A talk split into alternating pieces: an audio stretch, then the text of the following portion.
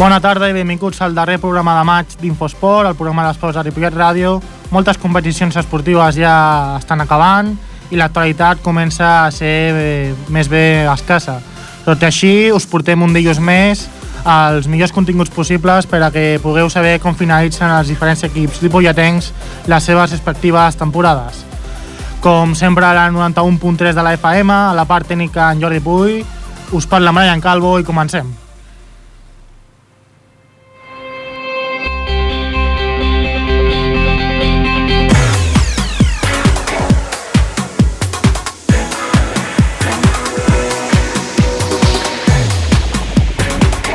Comencem amb tenis taula, que eh, aquesta setmana hi ha hagut un altre torneig, eh, el Campionat de Catalunya en la categoria Benjamí, disputat a Esparreguera.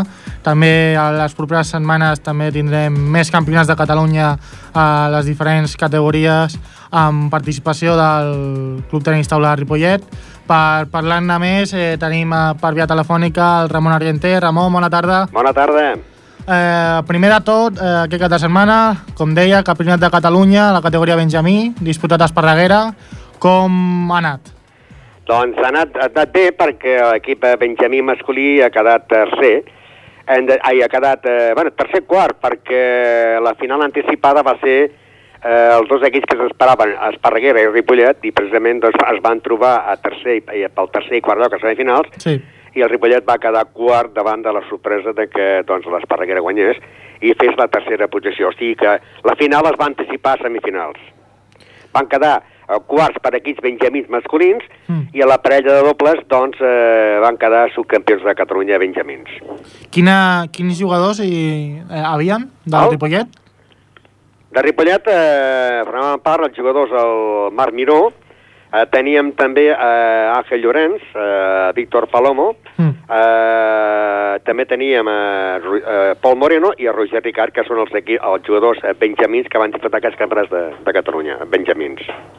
I com deies, potser l'Espa- eh, i el Ripollet eren els grans favorits. Sí, eren els favorits, sí. Eh, tot i així, eh, esperava guanyar l'Esparreguera o era, un partit era, molt igual? era molt complicat, era molt complicat perquè nosaltres disposàvem d'un jugador número 1 que podia fer els dos punts i llavors l'altre jugador més fluixet eh, podria fer un punt, o sigui, guanyar en el, en el segon jugador d'ells, no? Mm. I llavors la importància era el doble, no? L'únic partit que es va perdre, que va ser el doble, precisament amb l'Esparreguera, va fer doncs, que perdessin per la mínima 3 a 2 i no poguessin jugar a la final. I ja el, el partit de, de per tercer i quart lloc, eh, contra qui va ser? Contra l'Esparreguera. Sí, a la semifinal i a la... Sí, sí, no, no, a semifinals de Ripollet Esparreguera, Sí. va ser que eh, el Ripollet, eh, o sigui, el quarts de final va ser Ripollet Esparreguera. Ah, vale, vale. A quarts de final. Llavors, clar, el quedar eliminat, eh, el Ripollet ja disputàvem eh, tercer i quart lloc, que va ser precisament contra l'Esparreguera. I ens van guanyar ells 3-2, perquè van perdre l'únic partit de dobles, va ser contra aquest equip, Mm. i aquí va ser el, el ajustat de, de eh, 3-2 a favor de l'equip del- de l'Esparreguera. Que era, Sí. eh, Sí. entre Esparreguera i Ripollet era el favorit l'Esparreguera, eh? Clar, Tant per quedar primer com per, per quedar tercer quart lloc era l'Esparreguera. Tenia millor equip. L'equip estava millor començat que el nostre. I a més a més tenien el factor pista, no? Per així dir-ho. Espera, que s'estava tancant la porta, saps? Digues, digues. Sí, tra tranquil, que a més a més deia que també tenien el factor pista. Bueno, no, pas no, pista no, perquè com que, clar, en uns campionats pensa que ja estan acostumats, no? Perquè cada campionat, si és un normal, són 12 taules. Si és un campionat de Catalunya, ja són 16 taules, no? Mm. Vull dir que, eh, que eh, eh, pel factor pista ja és igual, no? Perquè factor pista eh, inclús eh, és per l'Esparreguera. Perquè l'Esparreguera Clar, exacte, per això deia. tampoc juguen al, al pavelló que es fa una competició, no? Tothom té el seu, té el seu local, té el seu terres, té la, la seva taula, les seves llums, però quan es fa un pavelló és, eh, el factor pista no, no influeix a cap equip. Eh, bueno, tot i així, eh, amb els resultats esteu satisfets amb el joc dels nois?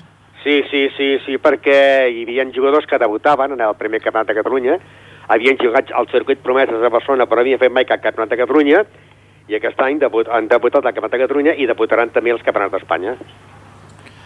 D'acord. De- Parlàvem abans que, a part d'aquest que- d'aquest campionat de Catalunya, a les properes setmanes també hi ha més, no?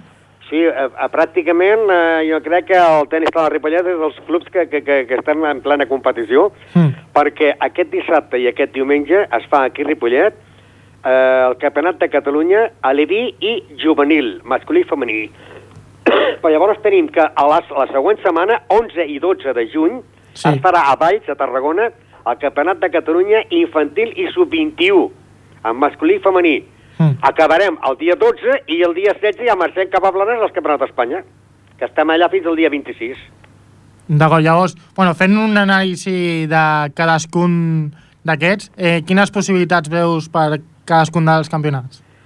Mira, jo crec de fer pòdiums en tots els campionats, En tots? en tots. I en totes les categories? Ah, sí, ah, tant amb eh, Ripollet com a Valls Sí. com a, com a Campionat d'Espanya.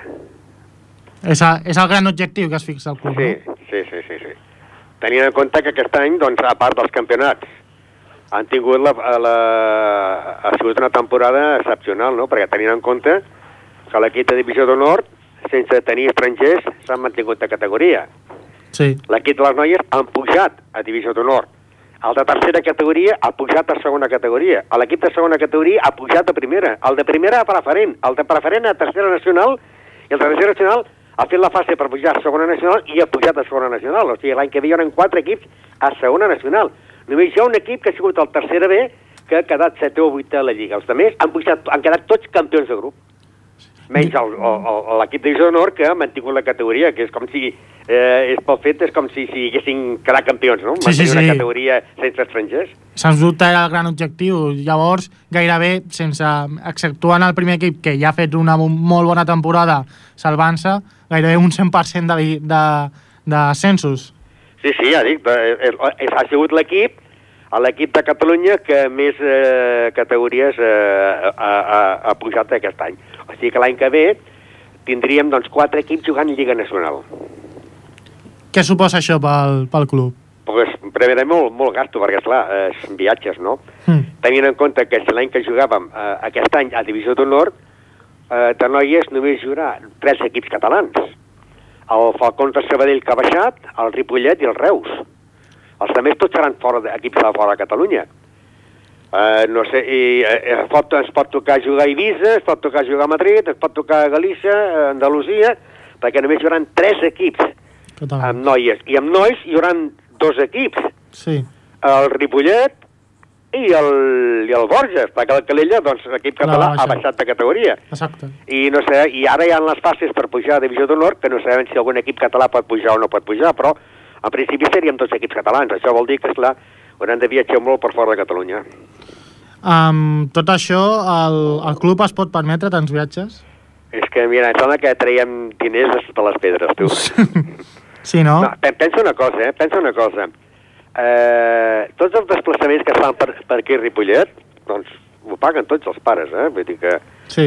eh, l'únic que el club paga quan es va fora, llavors sí, eh, el que porta el cotxe, doncs eh, se li paga la, la benzina, se li paga el i se paga l'hotel, però els altres, tots els partits, concentracions a Borges, de quatre partits, eh, cotxe del pare, cotxe del delegat, eh, i cadascú es paga el dinar a tots els jugadors. No l'únic que quan sortim fora de Catalunya, eh, llavors sí que paga el club la, el viatge d'avió, o de tren, o d'AVE, o, o de cotxe. Clar, tot el que pot, no, el club? Perquè Sí, sí, sí. al cap i a la fi, a, a, fora de Catalunya, doncs sí que s'entén que, que ajudin a les famílies, però potser a Catalunya ja no arriba, no? No, un dia es va posant d'acord, un dia va amb el cotxe d'un, un altre dia porta el cotxe a l'altre i així es va, es va tirant. Que és que si no seria impossible eh, mantenir la divisió de nord. Eh?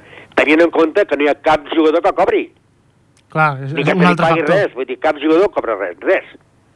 Pues si, cobrés, mm, si cobressin tots, potser no, no podria. No. Al contrari, sí que hi ha jugadors nostres que els toquen per marxar del club cobrant ja, m'entens què vull dir? Clar, una mostra del, del gran potencial, malgrat l'escassetat econòmica que té el club. Ah, aquí està. El que passa mira, sort tenim quan arriba el xeringuito de la festa major, que fem el xeringuito, Mm. tots els pares allà fent de camarers, no?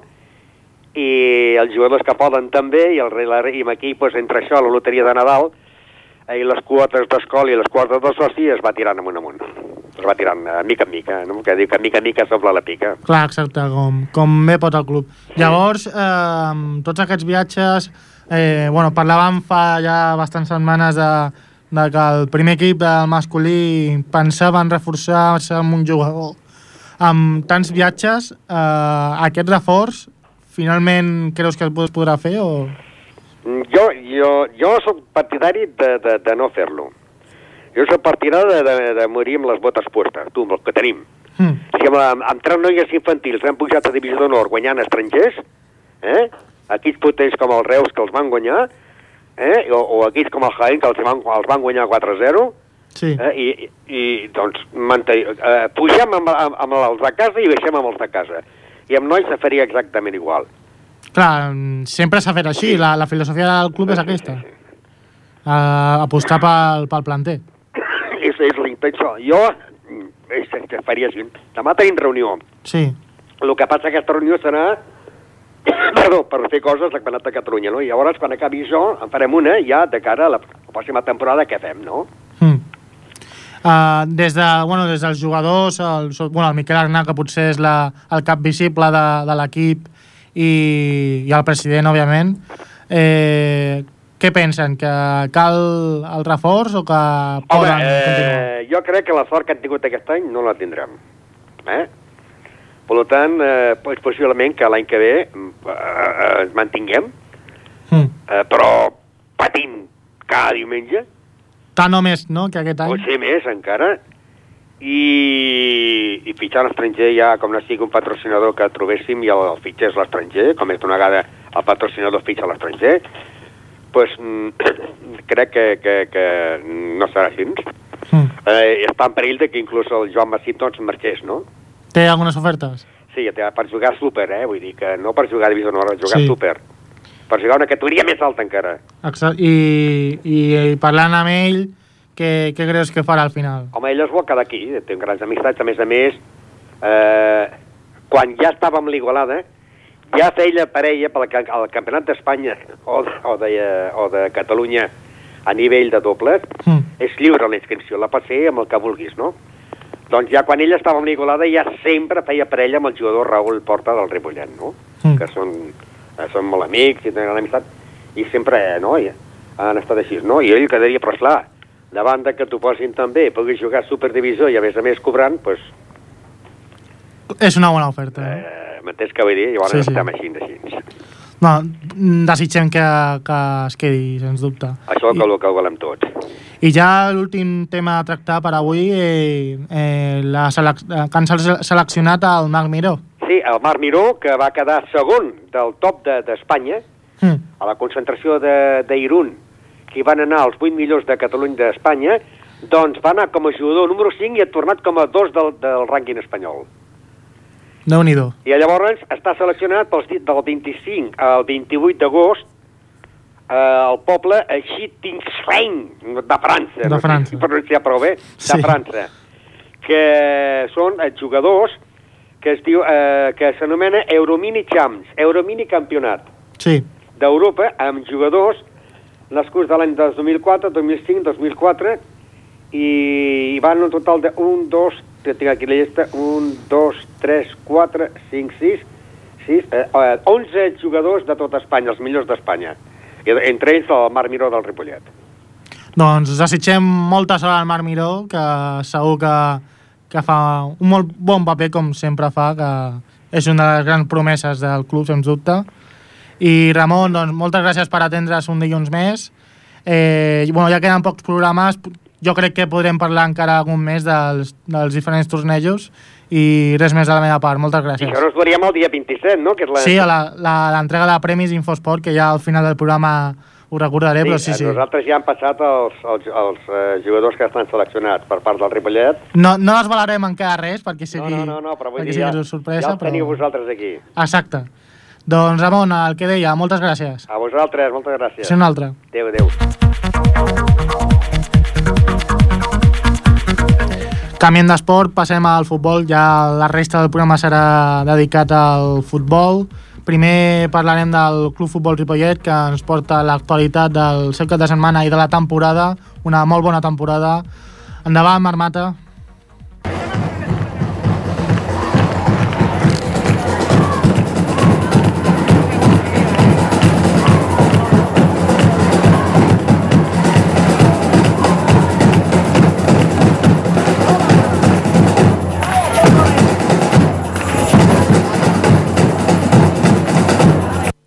Bona tarda, aquest és l'ambient de festa que es vivia ahir diumenge a l'últim partit de Lliga en el municipal de Ripollet. Les grades estaven més plenes que mai i comptaven fins i tot amb la participació de la colla de Diables de Ripollet. L'equip ripolletenc tancava ahir la Lliga, però també es jugava la promoció d'ascens directe a primera catalana en cas que el líder, el Sant Cristóbal, perdés el seu partit que es jugava a la mateixa hora que els locals. Amb l'animació que hi va haver ahir en el camp ripolletenc, els vermells van guanyar a la Unió Esportiva Sabadell Nord per 4 a 0. Amb aquesta victòria i amb la del líder, els de Juan Carlos van aconseguir classificar-se per la promoció d'ascens que es disputarà en les dues properes setmanes. El partit va començar amb un Ripollet que va sortir amb forces per dominar el maig, tot i, bon, tot i el bon joc dels, del Sabadell Nord, als 20 primers minuts de partit, amb dos equips lluitaven per estrenar el marcador i endur-se'n els 3 punts. En el minut 20, una lesió al Nil, jugador local, va generar una discussió entre el Rubi, jugador ripolletenc, i l'equip de Sabadell. Tres minuts més tard d'aquest petit enfrontament, els de Juan Carlos Torres van estrenar el marcador, un gol que va marcar l'Enrique des de dins l'àrea i apropant a l'equip més a prop de l'ascens. Des del moment d'aquest gol, els ripolletens seguien lluitant per marcar el segon gol i els sabadellencs començaven a lluitar, a lluitar més per impedir que els vermells marquessin cap gol més. Tot i així, la festa a les grades del municipal continuava amb la batucada de la colla de Diables de Ripollet i l'animació dels aficionats ripolletencs. A les grades també van poder veure algun membre de l'actual equip de govern municipal, com és el cas del regidor d'Esports, Ramiro Moldes. En el minut 38, l'Enrique, jugador ripolletenc, va marcar el segon gol pels de Ripollet, un gol que va, que va, que va ser molt celebrat tant al terreny de joc com a les grades. Així, es va, es, així va ser aquesta celebració.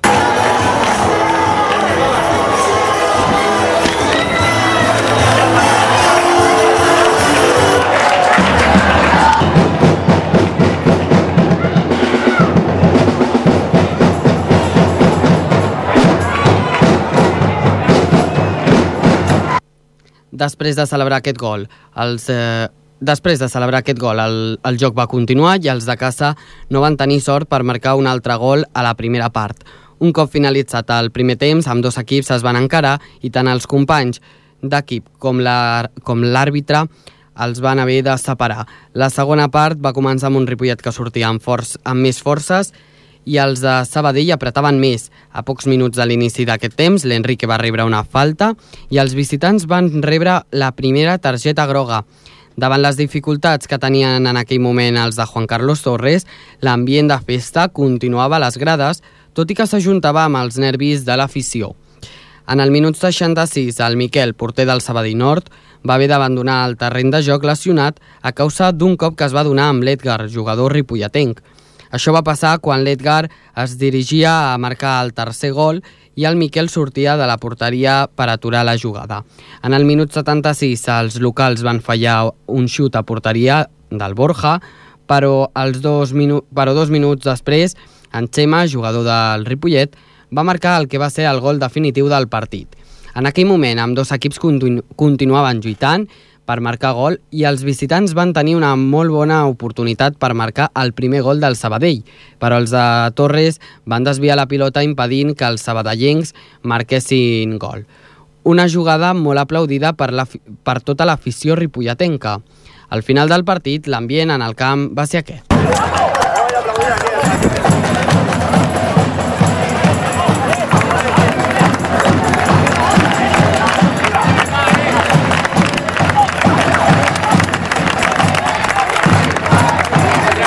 Orgulloso de todos vosotros. Vamos a hacer esto, ¿eh?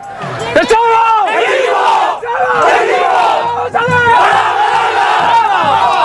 Tot i així, la celebració de l'equip ripolletenc va continuar al vestuari i així van celebrar la victòria quan es van adonar de la presència dels nostres micròfons.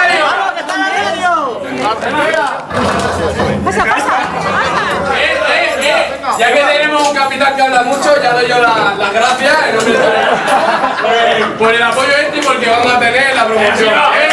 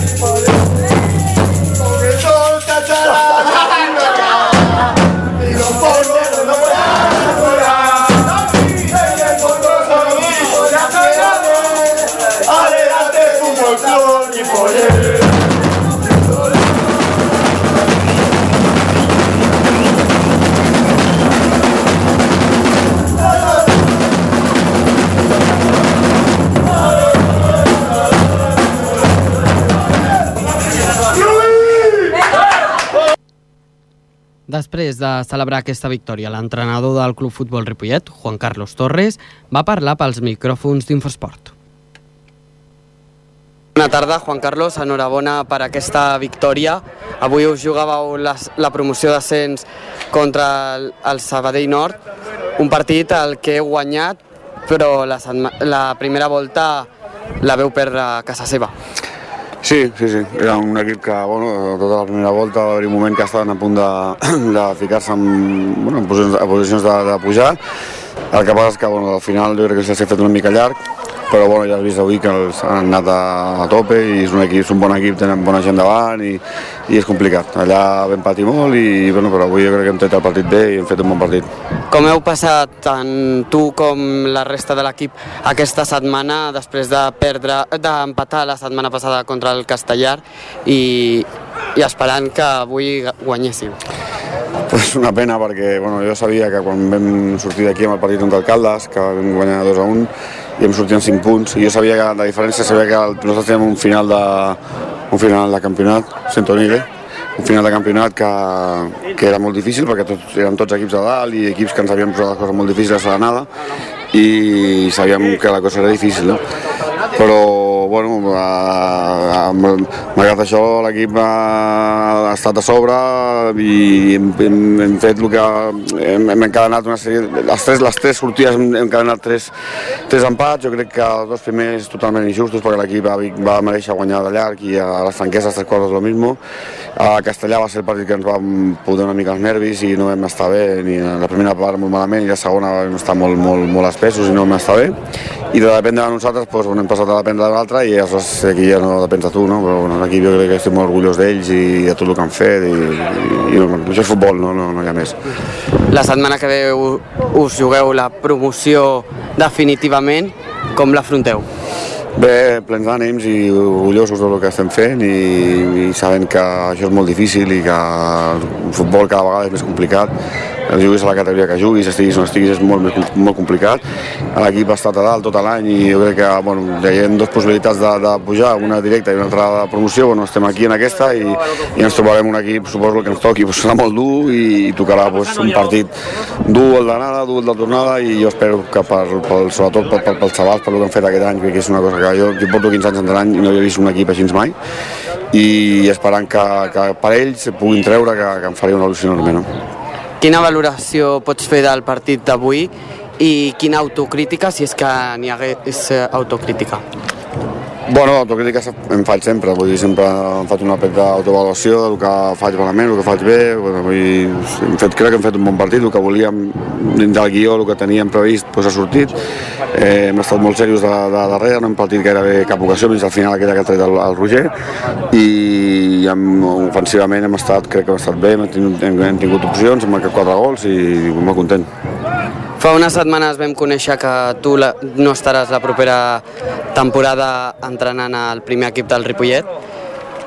Quina valoració fas d'aquest any i mig com a, com a entrenador de l'equip, tot i que la temporada passada no poguéssiu aconseguir l'ascens, però Molt positiu, sempre el que fas, sempre tens balanços positius i jo me'n quedo el millor, que ha sigut aquest any, aquest any i mig, portar dos, dos plantilles espectaculars de jugadors implicats, la veritat és que ha sigut una, una satisfacció enorme i, i res, i esperar que, que, podem, que podem tancar això com Déu mana i ja està, però molt orgullós de tot el grup, de, tota la, de tots els jugadors, eh, això és el que m'emporto, que és el més, el més bonic del futbol. Jo sí que em vaig molt orgullós del que he fet i de, lo que, de la feina que he fet i i personalment què, què has pogut aprendre aquest any i mig en el Ripollet? Pues moltíssim, uh, moltíssim. He après a, a treballar amb, amb equip, amb molta gent, amb, amb, amb, amb, amb un grup de jugadors sobretot uh, superprofessionals que m'han donat lliçons cada setmana de com s'ha de fer les coses, com s'ha de... Jo d'això és el que m'emporto i ser un equip competitiu i treballar competitivament i això és el més, el més important del futbol. I ja per acabar, quin és el teu, el teu futur professional com a entrenador? pues, ara mateix seguir els meus fills que estan jugant una de Villos al Benjamín i segurament és el futur que, que m'acaba esperant l'any que ve. Així que disfrutant-ho perquè em passo molt bé i, i res, res més.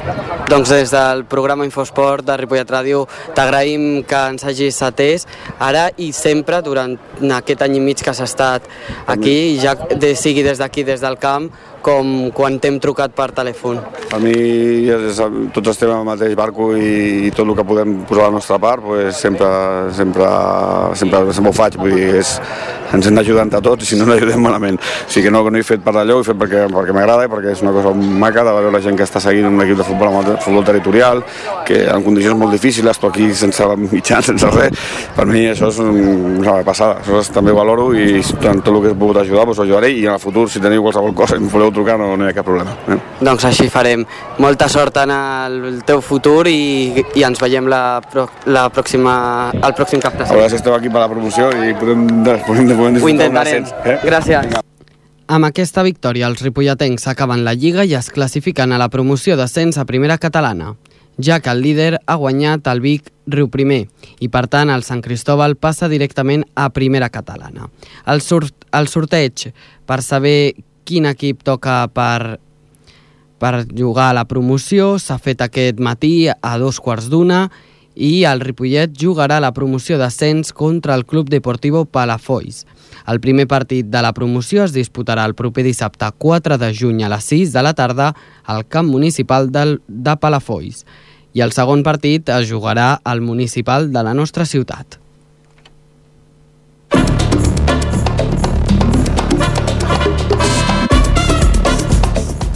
Moltes gràcies, moltes gràcies Marc, perdó. Eh, desitgem moltíssima sort al Club Futbol Ripollet per aquesta fase de promoció d'ascens de, per aquestes dues eh, properes setmanes i animem a l'afició, com no, de que vagi a donar suport a un equip que està fent una temporada molt bona. Passem a un altre club, el Pajaril, que també el nostre company, el Marc Mata, ens porta l'actualitat i el, la final de temporada del, del club de Ripollet. El Pajaril aconsegueix una nova victòria a l'últim partit de la Lliga contra el Mirasol. Ho fa al camp de l'Industrial. Acaba també la Lliga a la sisena posició. Per parlar del partit d'aquest dissabte i per fer valoració de la temporada, comptem a via telefònica amb Ignacio Minuesa, jugador del Pajaril. Buenas tardes, Ignacio. Hola, buenas tardes. Una gran, una gran victoria, ¿no? La del, la de este fin de semana. Sí, bueno, realmente eh, fue una despedida del año para acabar bien delante de nuestro público, en casa, así que qué mejor manera de, acabar la temporada que con una victoria, ¿no? Sí, sí, estuvo bien. ¿Qué valoración hacéis del partido de este fin de semana contra el Mirasol? Ah, bueno, positiva, más que nada ya fijándote en toda la temporada, en, en lo que es eh, la totalidad, es positiva, no solo por el partido del sábado, sino por todo en general, como se nos puso la liga a principio de año, eh, realmente eh, el trabajo es bueno porque empezamos muy mal con lesiones, luego hemos tenido varias etapas eh, negativas, pero en general todo ha sido positivo con un sexto puesto eh, muy bueno, realmente. Eh, ¿Habéis cumplido vuestro objetivo, el objetivo que os propusisteis eh, a inicios de la temporada?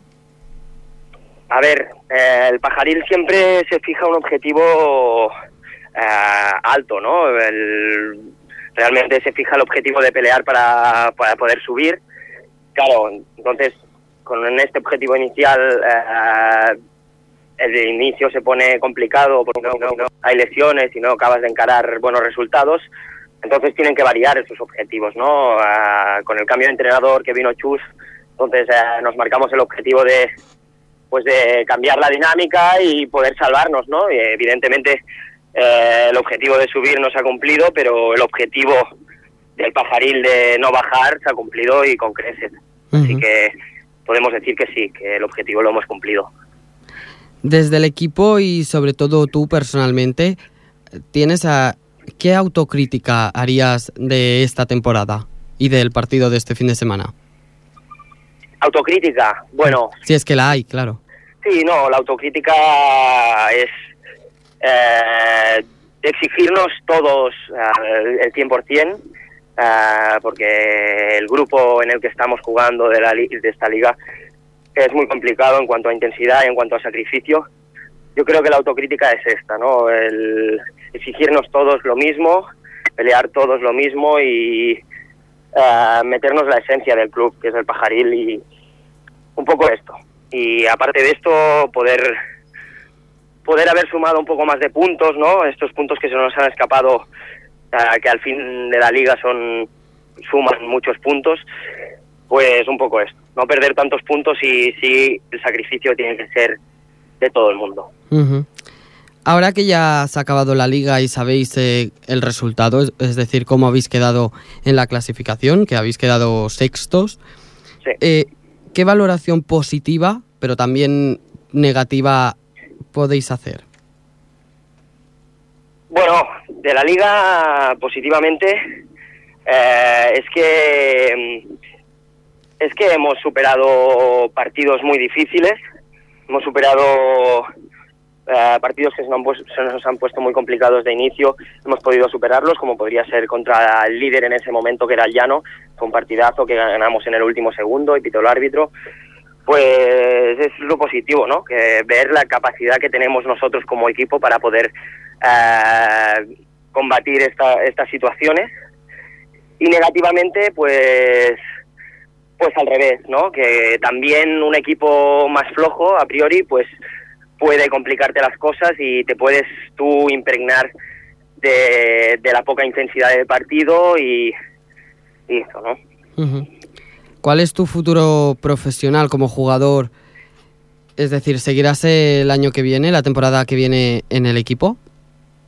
Bueno, sí, sí, no, ya, ya está hablado. eh, tenía la posibilidad de, de ir a algún sitio, pero, pero yo del pajaril me cuesta mucho irme porque llevo muchos años y, y aquí se está muy bien. Aquí la gente somos una familia, estamos trabajando para un objetivo muy bueno y, y cuesta mucho irse de, de pajaril, sí, sí.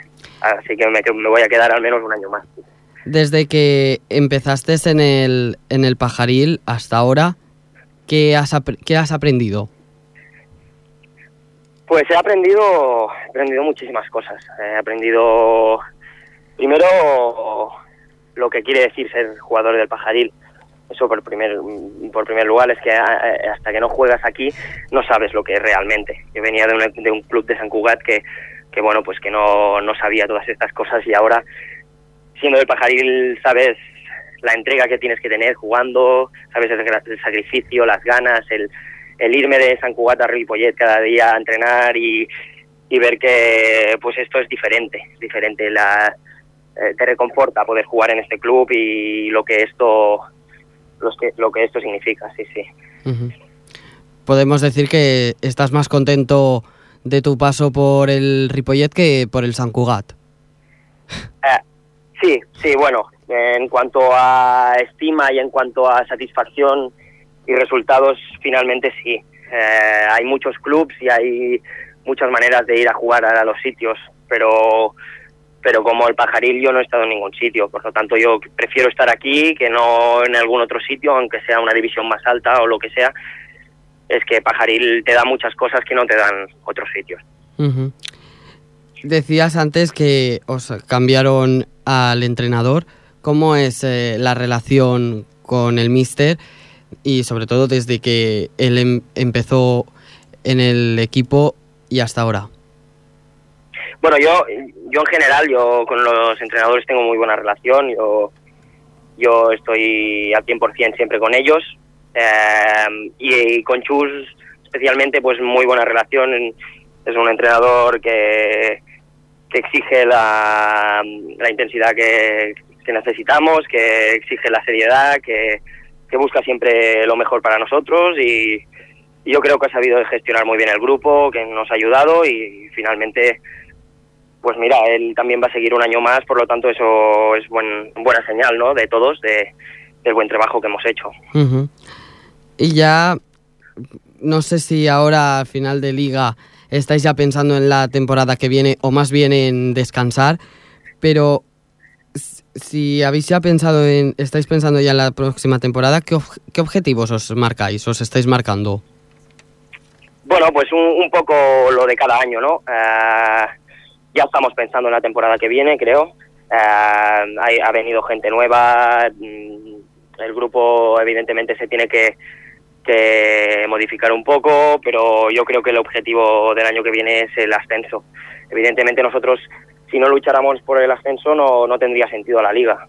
Así que, que cada año nos fijamos este objetivo y luego pues pues pueden pasar cosas, ¿no? Negativas, positivas, pero inicialmente nosotros vamos a luchar para, para poder subir, sí.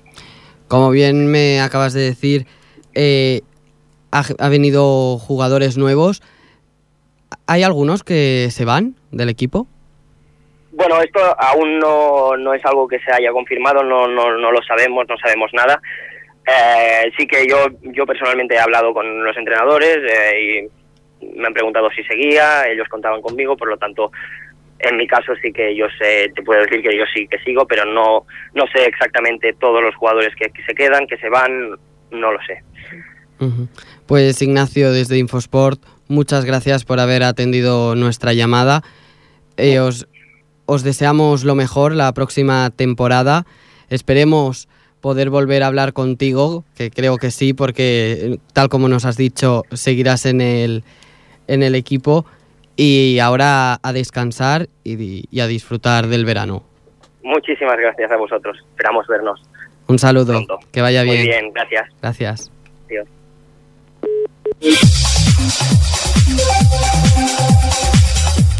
Moltes gràcies, Marc. Eh, passem ja al que serà l'última secció del programa, eh, l'entrevista a l'entrenador de la- de l'escola de futbol base Ripollet, l'Alberto Cardelo.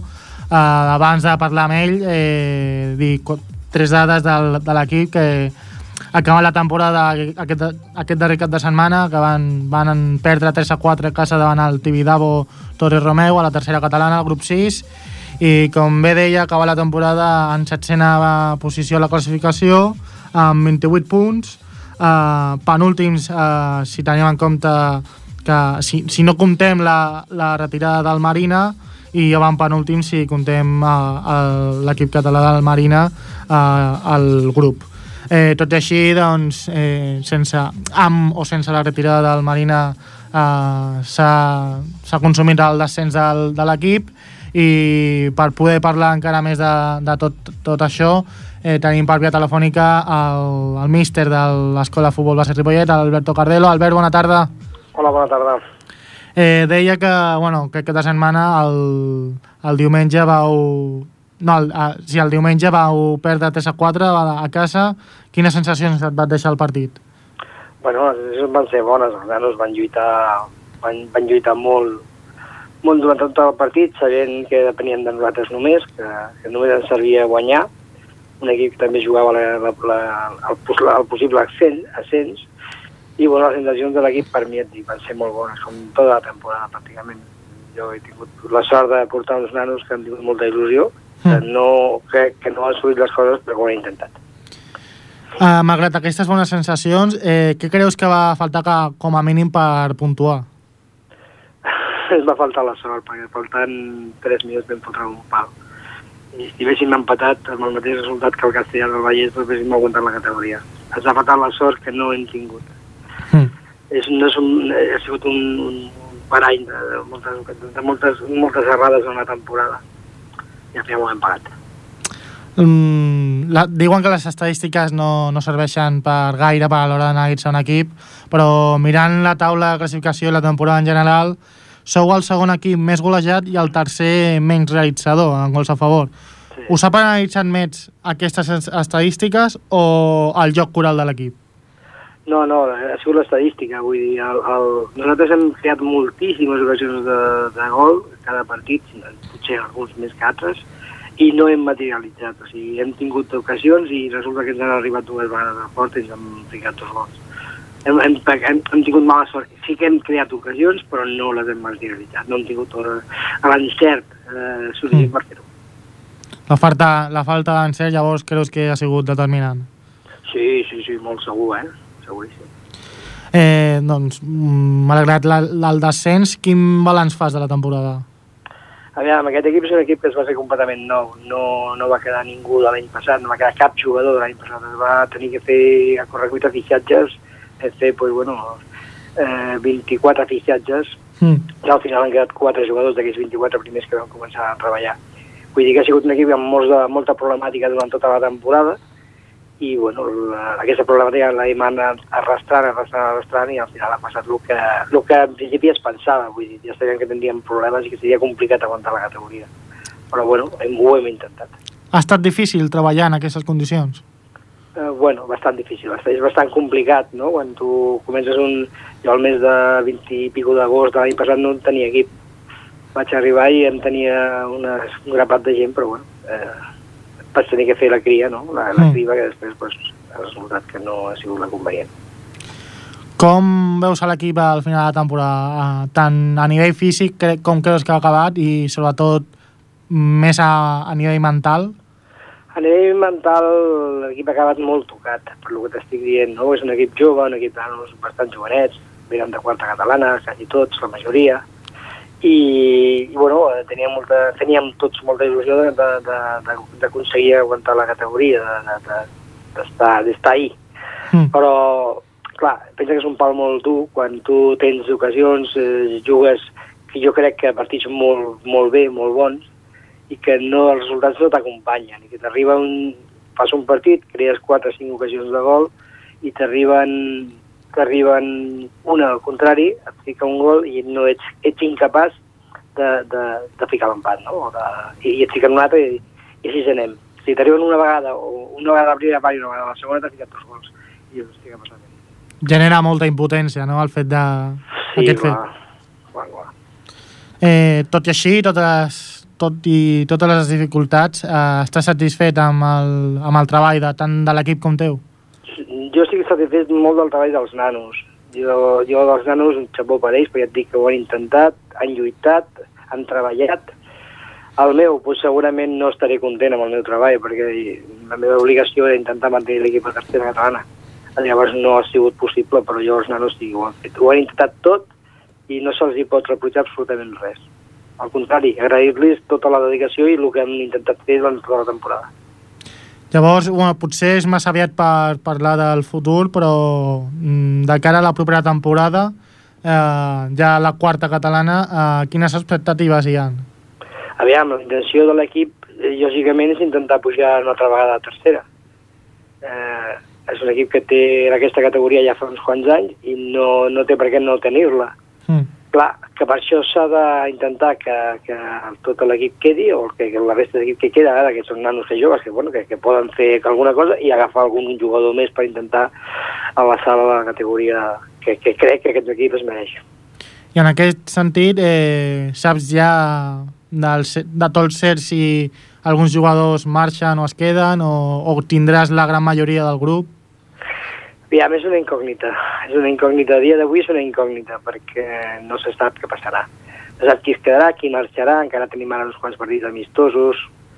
El grup és un grup molt, molt, molt unit, amb molta, molta força, però no se sap mai, perquè si, aviam, són molts de fora d'aquí del poble i llavors és complicat mantenir eh, aquest grup de gent aquí.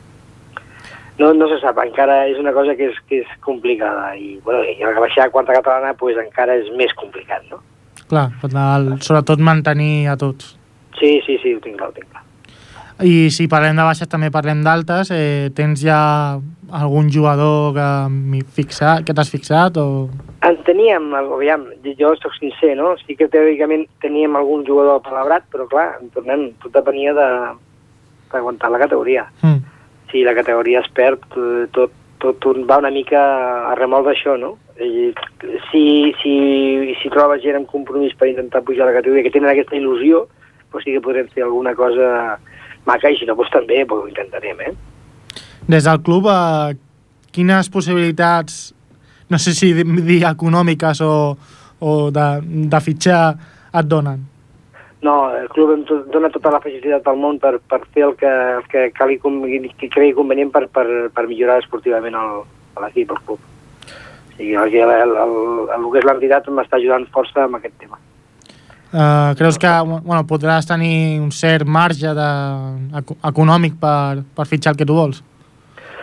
Mm, aviam, en tema, tema econòmic és una cosa que no, no, no, no... Vull dir que jo no entro en aquest tema, Sí. no... Tema, és un tema jo demano i ells eh, fan el que poden i punt. Eh, quines posicions t'agradaria reforçar?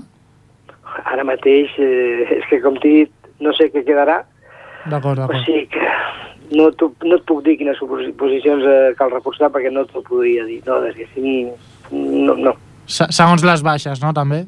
Perdona? Exacte, exacte, depèn de les baixes. Si, si les baixes que tenim són, són moltes o són quatre només, però llavors necessitarem menys gent. Si som més, som més gent necessitarem. Eh, per últim, dues preguntes. Eh, a nivell individual, eh, podem confirmar que tu continues, no? En principi sí. En principi, En sí. principi sí. En principi sí. Jo conto, conto que, bueno, que tinc una tasca pendent Mm? i tinc que intentar aquesta tasca bueno, portar-la a terme. Segur, segur que sí, que si continues segur que la portaràs. Ho intentarem. I a la darrera, eh, a, a nivell d'afició, com valores la temporada?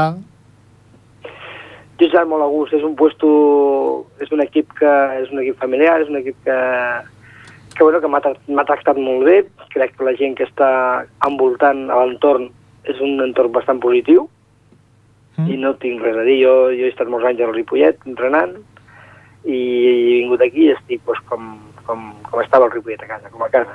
Dir, M'han tractat força bé, m'han donat moltes, tota la facilitat al món i, i bueno, i ahí estamos. Doncs Alberto, moltíssimes gràcies per atendre. Eh, des d'aquí, des d'Infosport, eh, us desitgem tota la sort del món per la propera temporada, tant a tu com a l'equip. I res més de, des de la meva part, que moltíssim, moltíssimes gràcies per, per atendre'ns durant tota la temporada. Gràcies a vosaltres, eh? Un, un plaer. Fins una altra, Alberto. Fins una altra. Adéu, bona tarda. I ja donem eh, per finalitzat el programa, eh, ens acomiadarem. Moltes gràcies a tothom per escoltar-nos un dilluns més, eh, aquí a la 91.3 de la, de la FM, aquí a Ripollet Ràdio. El proper dilluns eh, ens tornarem a trobar, de, com sempre, de 7 i 10 a 8 de la tarda. Eh, res més des de la meva part, molt, molt, molt bona setmana, fins aleshores, eh, fins al dilluns.